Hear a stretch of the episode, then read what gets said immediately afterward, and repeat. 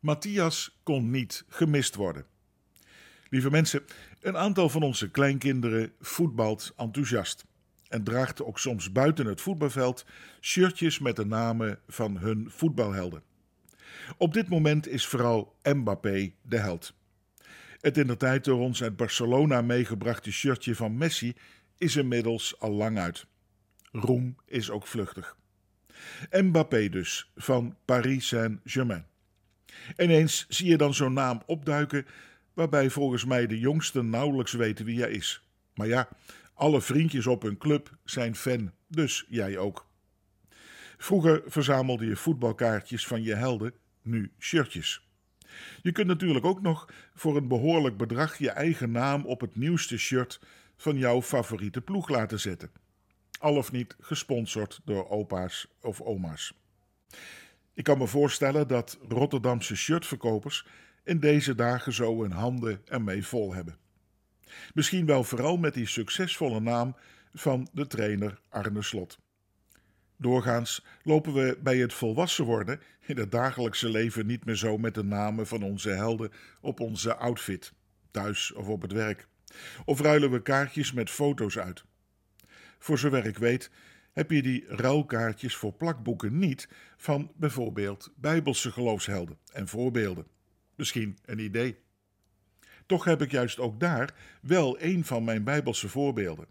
Nee, niet meteen om met hun namen nou groot op de rug van mijn dagelijkse kleren te lopen, want Bijbelse navolging van de boodschap van het Evangelie moet volgens mij op andere manieren blijken. Ik moest aan die namen van geloofsvoorbeelden denken, juist in deze dagen rond Hemelvaartsdag, waarin de tijd Jezus zijn verzameling van leerlingen opriep om in deze wereld getuigen van Hem en zijn boodschap te zijn, en anderen daarvoor uit te nodigen tot op de dag van vandaag. Hij zei: Ga op weg en maak alle volken tot mijn leerlingen, door hen te dopen in de naam van de Vader en de Zoon en de Heilige Geest, en hun te leren dat ze zich moeten houden aan alles wat ik jullie opgedragen heb. Wat zou dat mooi zijn? En hij gaf daarbij een prachtige belofte, die zij en wij ook voor vandaag voor ogen mogen houden. Ik ben met jullie alle dagen tot aan de voltooiing van deze wereld. Op dat afscheid bij Jezus hemelvaart waren nog maar elf van de twaalf oorspronkelijke leerlingen. Judas was er niet meer bij. En na hemelvaart komen dan de leerlingen van Jezus bij elkaar om die lege plaats van Judas weer op te vullen. Ze bidden ervoor en door een hele bijzondere manier van kiezen, namelijk door het heilige lot, wordt dan een zekere Matthias verkozen. Nu denk ik eerlijk gezegd dat u net als ik niet zoveel van die Matthias weet. Petrus, Johannes, Thomas en zelfs de verrader Judas, daar weten we meestal wel wat van. Maar Matthias misschien nooit van gehoord. Misschien wel de meest onbekende leerling van Jezus. We zouden er geen shirtje van kopen, zeg maar. Matthias is geen beroemde volgeling van Jezus waar we grote daden van kennen. Maar toch, toch was hij een onmisbare getuige van Jezus. Daarmee is juist hij en heel veel mensen met hem mijn held geworden. Hij is een voorbeeld van al die min of meer anonieme getuigen van de boodschap van het leven, van geloof, hoop en liefde die we bij Jezus mogen ontdekken. Een van die vele stille krachten op de achtergrond van kerk en samenleving.